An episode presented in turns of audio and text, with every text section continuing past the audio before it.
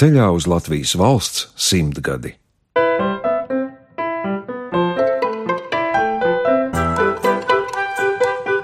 Talantu galerija Radošu personību portreti Latvijas Radio 1. Pieiet vecais tēvs pie krāsas un saka, ak, tu valsts malīs locis eglīts. Nu, kas tad ir krāsas nodzisusi, nav aizdegusies tā malka. Bērnam uzreiz ir interese, jo viņš grib redzēt to melo lāci, kas tur ir ielīdis. Ne čups, ne guba, ne vezums. Tāds teiciens arī ir. Ne šis, ne tas ar vienu vārdu sakot. Ja? Ne čups, ne guba, ne vezums. Jā, Jā, ne jā. čupa, ne, ne Jā. siena, guba, ne vezums. Jā, jā. Ne, ne šis, ne tas. Kopā ar jaunlaicenes mūžas muzeja vadītāju Sandru Jankovsku šķirstām grāmatu no apukalna veroties alūksnes novada malēnieši senāk un tagad. Un šī gara darba sastādītāja ir mana sarunu biedrene, kura lepojas, ka ir malēniete, kura kop savas dzimtās puses izloksni un tradīcijas, kura savulaika medmās sarodā izskolojusies, pēc vairākiem darba gadiem Rīgā, pārnāca atpakaļ uz jaunlaiceni un nu jau krietnu laiku te vada muzeju un kopā ar citiem jaunlaiceniešiem mācās runāt malēniski. Es esmu šajā vidē, un mani nemaz savādāk neuztver kā malēnieti. Man tā kā nebūtu tas īpaši pat jāuzsver. Nav gadījies būt Rīgā kaut kādā lielā sajietā, kur man būtu jāceļās un jāsaka, es esmu malēniete. Man nav bijusi tāda vajadzība to darīt. Bet vai jūs jūtaties kā malēniete? Jā, noteikti. Tad man jājautā, kāds ir malēnietis vai kāda ir Sandra Jankovska kā malēniete. Jā, redz, to jau ir grūti pateikt. Tikai tad, kad es sāku pētīt malēniešus kopā ar visu savu to malēniešu grupiņu, tad jau tikai pavērās kaut kas vaļā un kaut ko sāc saprast. Jo pēc būtības nu, es esmu malēnietis un es dzīvoju pēc saviem principiem, pēc tā, ko man ir ieaudzinājuši mani vecāki, mani apkārt esošie cilvēki. Un tas viss liekas tik ļoti saprotams, pats par sevi saprotams, ka mēs jau nemaz nesaprotam, ka mēs no kāda atšķiramies. Mums liekas, ka tas viss ir normāli. Tā tas ir. Nu, tas pārējais gan arī nav nenormāli, tik traki es negribu teikt. Nu, kādi tad ir malēnieši? Protams, ka arī ļoti dažādi. Bet es vienmēr saku tā, ka tie, kas vairāk čīkst mūsu pusē un um, lamā valdību skaļiem vārdiem, ka tie nav īstie malēnieši. Tur jāmeklē, vai tik nav saknes nākušas no kaut kurienes citurienes. Jo malēnieši, manuprāt, manā uztverē, manā saprašanā, ir neglābjami optimisti.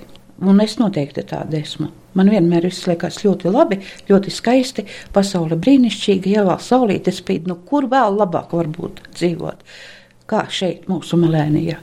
Kur jūs esat dzimusi? Nu, Tepat jau drusku vairāk vēl uz Igaunijas robežas pusi, uz Veclaicenes un Ziemera pagasta robežas. Maniem vecākiem bija mājas, nu tagad arī vēl tās mājas tur stāv. Ziemera pagasta krieviņu pusmuižā, un mūsu mājas par priedniekiem sauca. Tur es esmu dzimusi. Kad Sandra Jankovska jaunībā aizbrauca uz Rīgu, lai mācītos par medmāsu, tad viņai galvaspilsētā neviens neko daudz neaizrādīja par lausto izrunu. Taču, kad brīvlaikā pārbraukusi mājās, tad ģimenē gan ir pamanīts, ka Sandra ir zaudējusi savu malēnisko akcentu. Man tas ļoti nebija tik ļoti izteikti, bet man mamma teica, ka es atbraucu mājās. Nu, tur runā savādāk nekā visu laiku. Ja? Es laikam kaut kā mācēju tā, tā drusku vairāk pavilkt tos vārdus un nelauzt. Centos Rīgā dzīvojot. Laikam tā bija. Maskējos. Ar Sandru Jankovsku es pirmoreiz tikos pirms pāris gadiem, kad veidoju raidījumu Latvijas pērles un viesojos Jaunlaicens muzejā, kur abrīnoju baronu Wolfu kungu nama maketu. Viesu jaunlaisenē ir bijis ļoti daudz. Tieši tāpēc māja, kungu māja ir celta tik liela, un pārsvarā tur ir bijušas guļamistabas. Tā kā viesu mājā. Liela zāle, kur visiem sapulcēties, mazā zāle arī ar klavierēm, un ļoti daudz guļamistabu ar garderobēm. Lai viesus visus var piemitināt. Viens maiskolotājs pat esot rakstījis tā, ka viņš šajā jūglī nesot savu vietu varējis atrast. Jo te visu laiku nāk viesi, brauc prom, brauc klāt, visu laiku kaut kas notiek. Viņam tas, malēnieši saka, ļurms nepatika. Ļurms. Jā. Talantu galerijā radošu cilvēku portreti. Es domāju, ka šeit ir vainīgs mans vēstures skolotājs Evalds Vanaks. Toreiz, kad mācījos vēsturi, viņš tik ļoti skaisti prata stāstīt vēsturiskus stāstus. Gada skaitļus man bija grūti atcerēties, man nepatika gada skaitļi, bet šie stāsti bija tik ļoti brīnišķīgi. Laikam jāsaka tā, viņš prata izstāstīt to seno laiku dzīvi, un mēs viņu redzējām tādu, it kā rekonstruētu. Ja? Un tāpēc arī man tagad, kad man radās šī iespēja strādāt šajā sfērā, tad man tas palīdzēja. Es vēsturi redzēju savādāk, kā citi to redz. Pateicoties šim skolotājam, es tā domāju, ka tur tā vaina ir. Tieši muzejā es nokļuvu ļoti nejauši. Bērni bija tādā pusauģu vecumā un vajadzēja datoru nu, datoram nu, nekāda nevarēja to naudu nopelnīt. Un tad bija tā, ka muzejā, jaunlaicinis muzejā, toreiz tā bija vēstures istaba, tas nebija muzejs, eh, meklēja cilvēku, kas te strādās. Un deputātiem ārkārtīgi negribējās naudu tērēt. Viņi gribēja, lai muzejs būtu, bet lai tas notiek pēc iespējas mazākus līdzekļus izlietojot. Nu, re. un pašvaldība bija iestājusies Piļu muižu asociācijā. Tur bija jāpieņem šie turisti, kuri piedalījās tajā projektiņā. Apceļot, jā, jā, jā, jā, jā. Nu, un tad vienu tur aicināja, otru tur aicināja. Visi atteicās par tik ļoti mazu samaksu strādāt. Nevienu arī to nepieņēma, nepierunāja, algu nepacēla. Un tad nezinu, kāpēc piepeši uzrunāja mani. Es piekrītu, jo mums bija izdomāts, tā es jau strādāju arī pašvaldībā tajā laikā, bet man meitenes piekrita, viņas nāktu dežūrēt šajā te telpās, šajās. Un izrēķinājām, ka pa gadu mēs varam sakrāt datoram šādā veidā. Tā mēs visas trīs ķeramies pie darba. Mana vecākā meita toreiz mācījās gimnāzijas 9. klasē. Viņa vadīja mazās grupiņas, un viņa tika novērtēta kā otrais labākais Latvijas gids šajā te Piļu muižu asociācijas konkursā, gidu konkursā. Un tad, kad mēs ar šo savu panākumu gājām pie deputātiem, tad attieksme bija savādāka jau.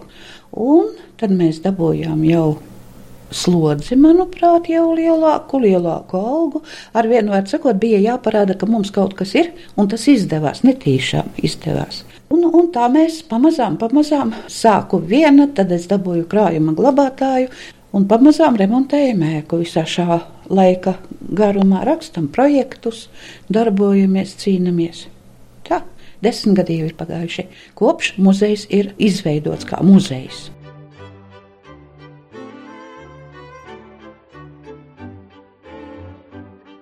Malēnietim ir sava galva uz pleciem, tas nozīmē viedoklis par visu, tāpēc viņš ir pārliecināts par savu taisnību, kaut mietu tēs uz pakauša, strīdā tiepsies vai mirdams.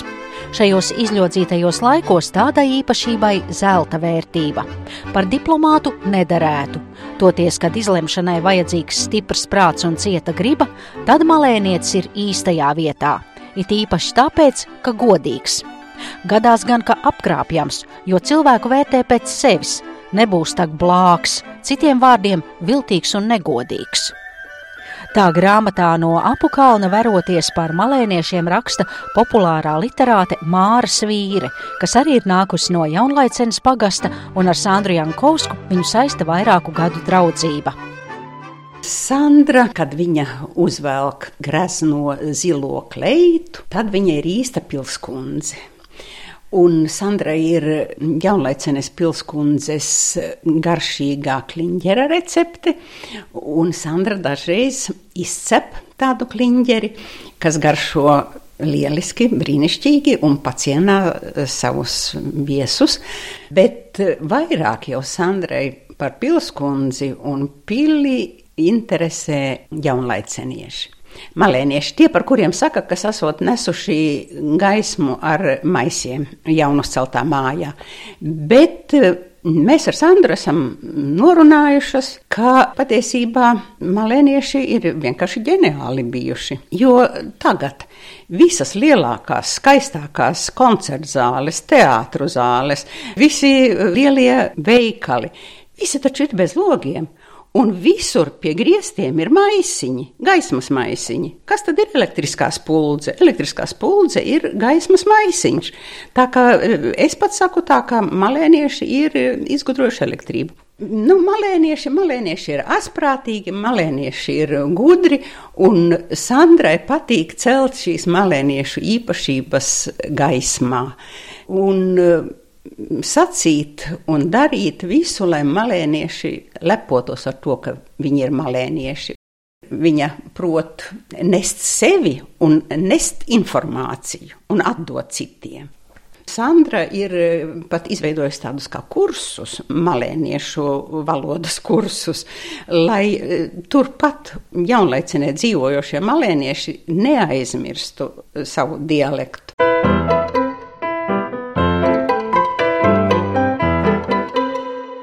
Bet pati Sandra Jankovska, ikdienā vadot muzeju un kopjot malēniešu ierašas, kā viņa vērtē savas puses ļaudis un pati sevi kā malēnieti.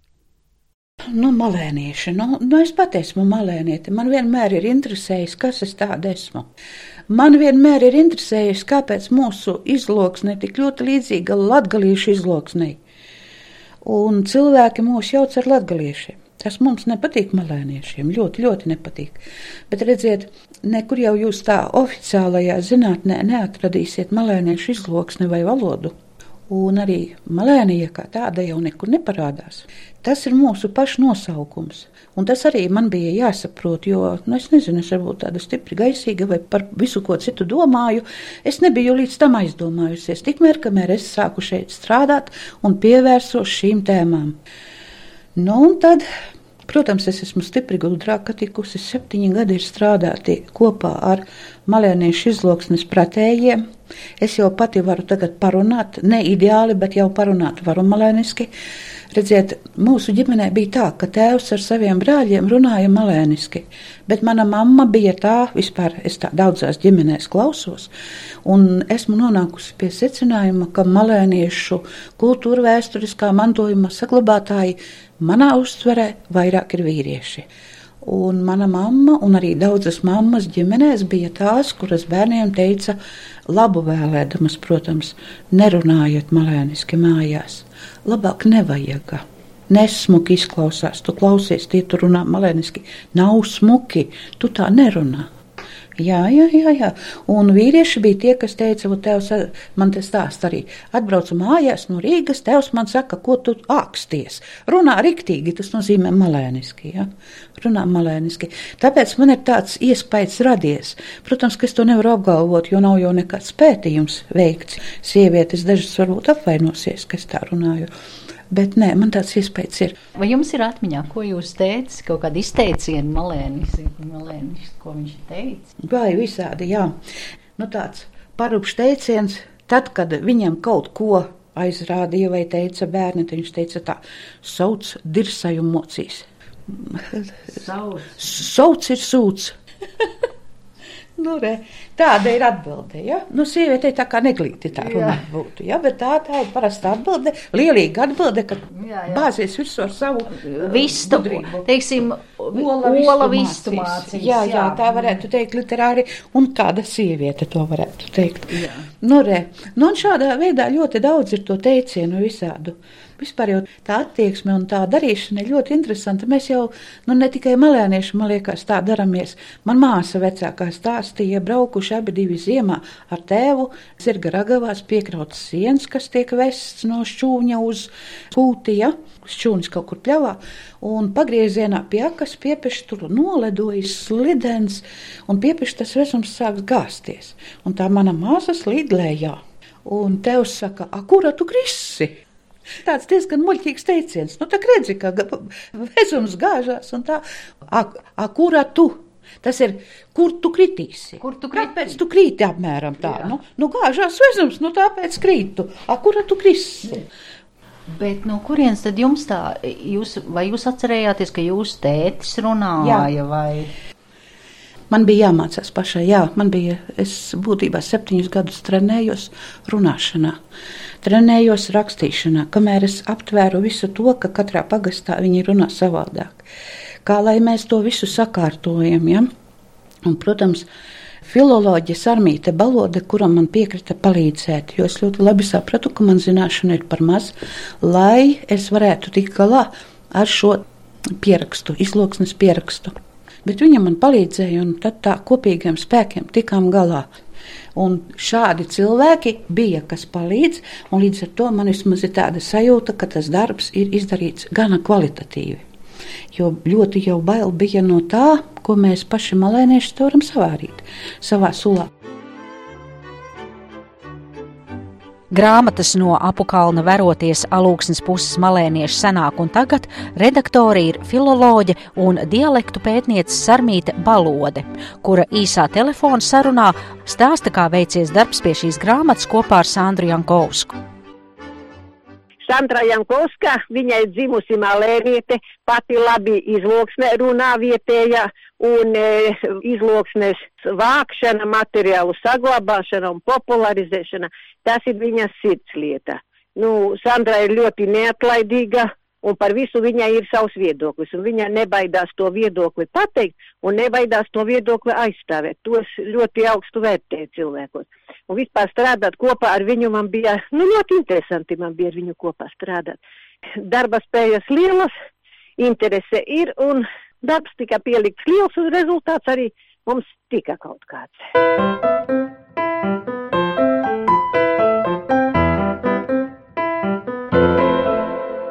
Kas mums ir tāds ļoti raksturīgs malēniešiem, ir šī vārdu laušana.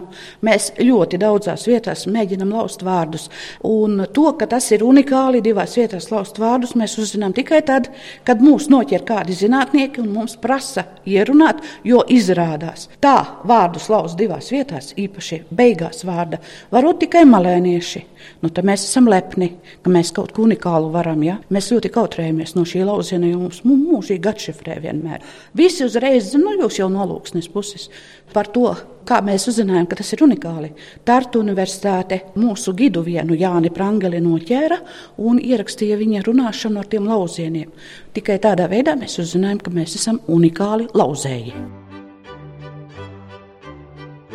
Tas atkal ir neliels fragments no raidījuma Latvijas pērlis, kad Sandra Jankovska mani iepazīstināja ar malēniešiem veltīto ekspozīciju Jaunlaicenes mūžas muzejā.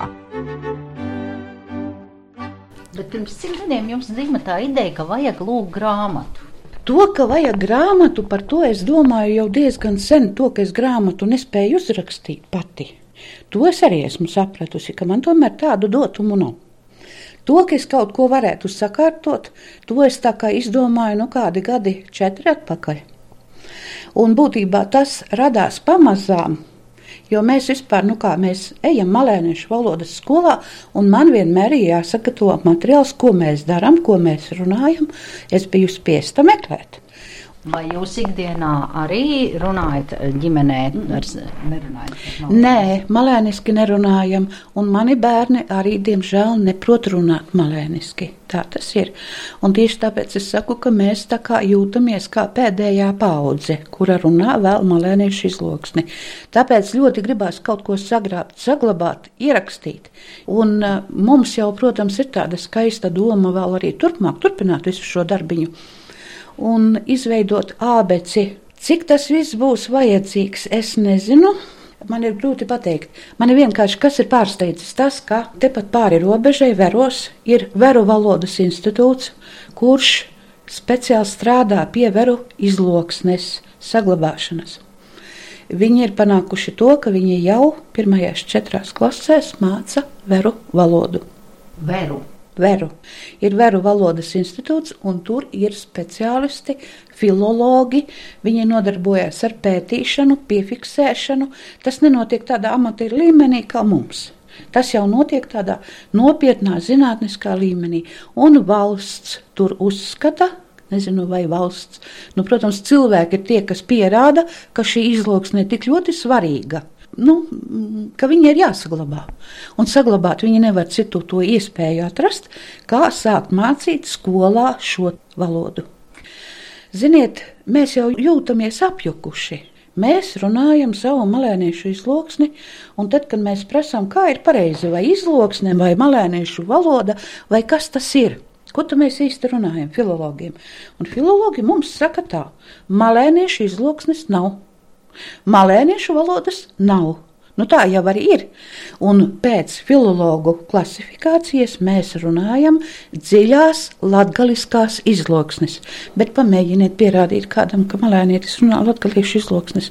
Viņš to nepieņem. Es nezinu, kāpēc tā ir.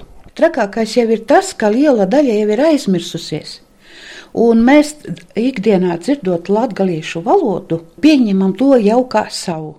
Kad es to pamanīju, man tā kā drusku šausmas pārņēma. Pirmajos malēniešu svētkos bija jaunieši, kas nāca pie mums un sveicinājās ar domu, ka viņi runā malēniski, viņi runāja latgaliski, un viņi paši to nevarēja pat, nu, nu nesaprata, ka tas ir dažādas lietas. Tas nozīmē, ka mēs esam ļoti daudz ko jau aizmirsuši. Laikam tad, kad pīdzina jaunāko mūsu ārija, mamma vaira vuškas nakūpa, un lielī goni bija baigušies bija jopriskata nosiņa, gan darba, gan dzīvošanos pītika, bet gadījās, ka čīkstējām par goru laiku, ka nav ko darīt. Tad papa sacīja, uzskrien līdz pūka prīdei un apakaļ, a mamma sacīja, siedi zemā un daudz ar papiežiem libinā. To tad ar darījām. Mūsu tēvs bija kozu muzikants, bieži kūpā dzirdējām, dancējām, tika mosītas usodas spēles. Arī darbūs no mārgojam kupā un vecāki ar savu piemēru mocīja mūsus darbu darīt ar patikšanu un prīcoties par smugi padarītu darbu. Nu, mozom dīnom uzticēja tādus darbus, ka mēs jūtamies vācīgi ģimenei. Grāmatai klāt ir arī pielikts audiodisks, kur jaunlaicens puses ļaudis malēniešu izloksnē ir ierunājuši savus stāstus. ļoti grib būt labi cilvēki, lai viņi visiem patīk. Ļoti grib visiem patikt cilvēkiem, malēnieši. Jā, nezinu, kas tur ir pa vainu, bet ļoti grib. Pie galda, piemēram, malēnieti nevar nekādi dabūt. Jālūdz vismaz trīs reizes. Jā. Nekāda nesēžas, tas, tas ir mokas riktīgas. Kautrība. E, ne, nezinu, laikam jau grib parādīt, ka es jau neesmu tas badainākais. Apmēram tā. Nu, vispār tas jau vismaz trīs reizes ir jāicina. Un tad man vēl arī atbraucēji stāstīja, ka pie viņiem esot dzīvojusi malēniete, kurā dēļ savām raksturiezīmēm nav nekad spējusi pāriest viesos. Kāpēc? Tāpēc, ka malēniešu saimniece briesmīgi uzbāzīgi piedāvā. Visu laiku ņem to un ņem šito un ēt to un ēt šito. Viņai tur neviens nepiedāvā. Un viņa nevar pāriest nekad. Nu, re, nu tādas arī tās raksturīpašības, tādas savādākas ir. Nu, nu kas vēl? Vienu reizi jau laikam arī nu, kāzu pasākumos. Tās saimnieces es arī daudzreiz esmu skrējusi. Mēs tā gājām visi viens otram kaimiņiem palīgā, kad kāzas bija. Ap galdiem skriet jaunās meitenes, tur skrējām. Un tad arī es atceros, cik ļoti uzbāzīgi mēs piedāvājām to ēdienu, pierunājām cilvēkus ņemt papildu porcijas. Un tad viens otrs bija pārēdies un pukstēja, un tas dēļ tās mūsu ārkārtīgi lielās laipnības izrādās, ja, ka citi tā nav pieraduši. Jo malēnietis tā tik vienkārši nepakļaujās tam, ka viņu tur visādi koriģē, pierunā un tā tālāk. Nu tā. Bet vai tagad jūs būtu lepna, vai, vai kā jūs justos, ja pie, jūs pieteikt kā Sandra Malēniete? Es domāju, ka es būtu lepna par to. Jo tagad es esmu apmēram nu, tā izdomājusi, kāpēc malēnieši tādi ir, kāpēc viņi ir naivi, Es to visu esmu pārdomājusi, izdomājusi, atradusi atbildes uz šiem jautājumiem. Un es varu ar paceltu galvu lepni teikt, jā, es esmu lepna par to, ka es esmu malēniete. Un kas vēl e, mums ir tas humors un nelabojamais optimisms un vēlme pasauli varbūt redzēt skaistāku nekā viņa reāli ir. Nepakļauties tai ikdienas grūtsirdībai, realitātei, kas mums tā kā mēģina šeit spiest pie zemes. Mēs mēģinām tādu, nu, apmēram centimetrus 20 lidināties virs zemes un justies laimīgi. Dzīvojot šeit, šajā brīdī, šajā vietā un šajos apstākļos. Tāda ir vismaz mana tāda doma, ir, ka mēs esam tādi, tie īstie malēnieši. Pastāstīšu par Zīmera pogasta krīviņu pusmuižu. Tur Mums vecīs tēvs Aleksandrs Mocenīgs par kaušanos Latvijas brīvības karā bija dabījis jautsaimniecību. Pusmuiža tikusi sadalīta četrās saimniecībās. Ceiruļi tika krīviņi un muižas laiku kolpu moja, gerja, no sarkanīkiem iecelta ar glaunu sausu pogalmu un akupi pošām durīm. Peningi dambjus un ocenīgi prīdnīkus ciela jaunus. Prīdnīkim ar beja loba aka, varbūt kūpa ar griguļiem. Ko beja ar griguļiem vaira nātminu, un ko saukuši griguļu moju nācerus. Par griguļu mojas vītu atgodināja dors, kuru par griguļu dorsu saucam. Griguļi jau sen pirms manas dzimšanas ar visu moju bija porcēlušies citur. Laikā, kad mucenīgi un peningi ciela mojas, bija viedzēvas husas muižas lilos kolts un školņi. Jaunos mojas saimenīgi centās īspīst tam visam viduci, un to sanoca, ka vieloki, kad muižas mauri sabruka, tas bija pēc otrā pasaules kora, un tika aizvākti kaimiņi dzīvē kodu simtu metru viens no otra. Saimenīces varētu sarunāties, ja gribētu, stāvot katra pie savas mojas paša.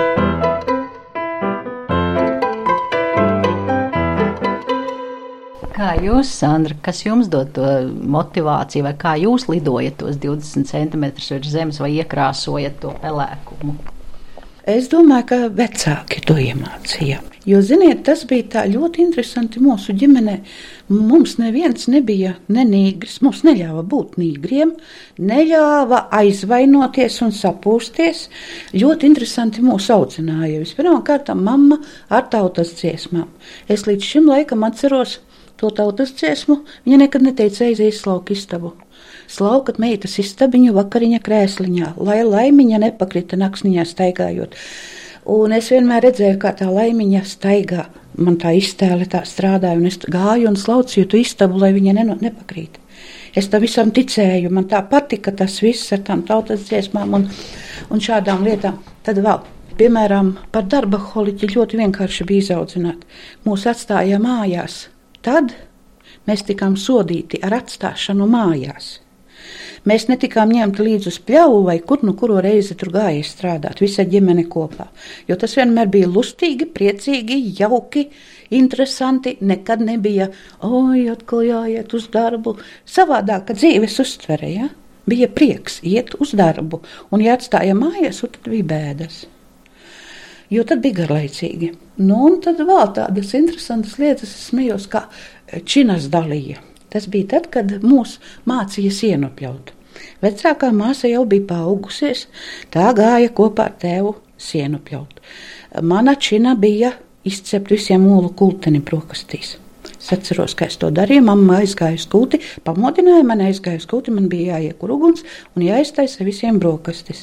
Tad nāca pļāvēji mājās, visi ēda brokastis. Un tad vienā brīdī es jau varēju pļaut, un jaunākā māsa tika manā vietā par olu kultiņa cepēju. Nu, re, un tad tas satraukums tāds, un tas rīts, saulīte tikko, tikko lec, augsts šausmīgi bija. Es atceros, ka es drebēju kā apšu lapa, bet tas viss bija tāds priecīgs satraukums. Un tad visu to cēlienu līdz brokastīm mēs pļāvām, un cik mēs tur nopļāvām. Un, Saprotiet, tas bija, tas bija grūts darbs, bet tas vienmēr bija priecīgi. Es tādu uztvēru savu audzināšanu savā ģimenē un visu laiku kopā būšana. Diemžēl tagad tas vairs nav iespējams, jo ir pasaule izmainījusies. Bet, manuprāt, tas, ka vecāki ar bērniem kopā varēja strādāt, mācīt, viņi, neko jau, viņi jau neko īpašu neteica, viņi ar savu piemēru audzināja. Un tas bija tik ļoti jauki.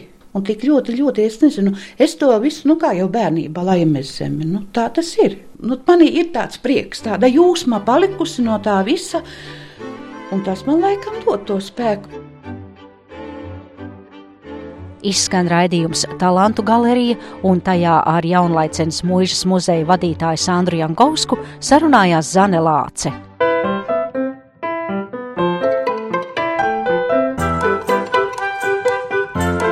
Talantu galerija. Radošu personību portreti Latvijas Radio 1. Izskanēja Latvijas valsts simtgades programmas raidījums.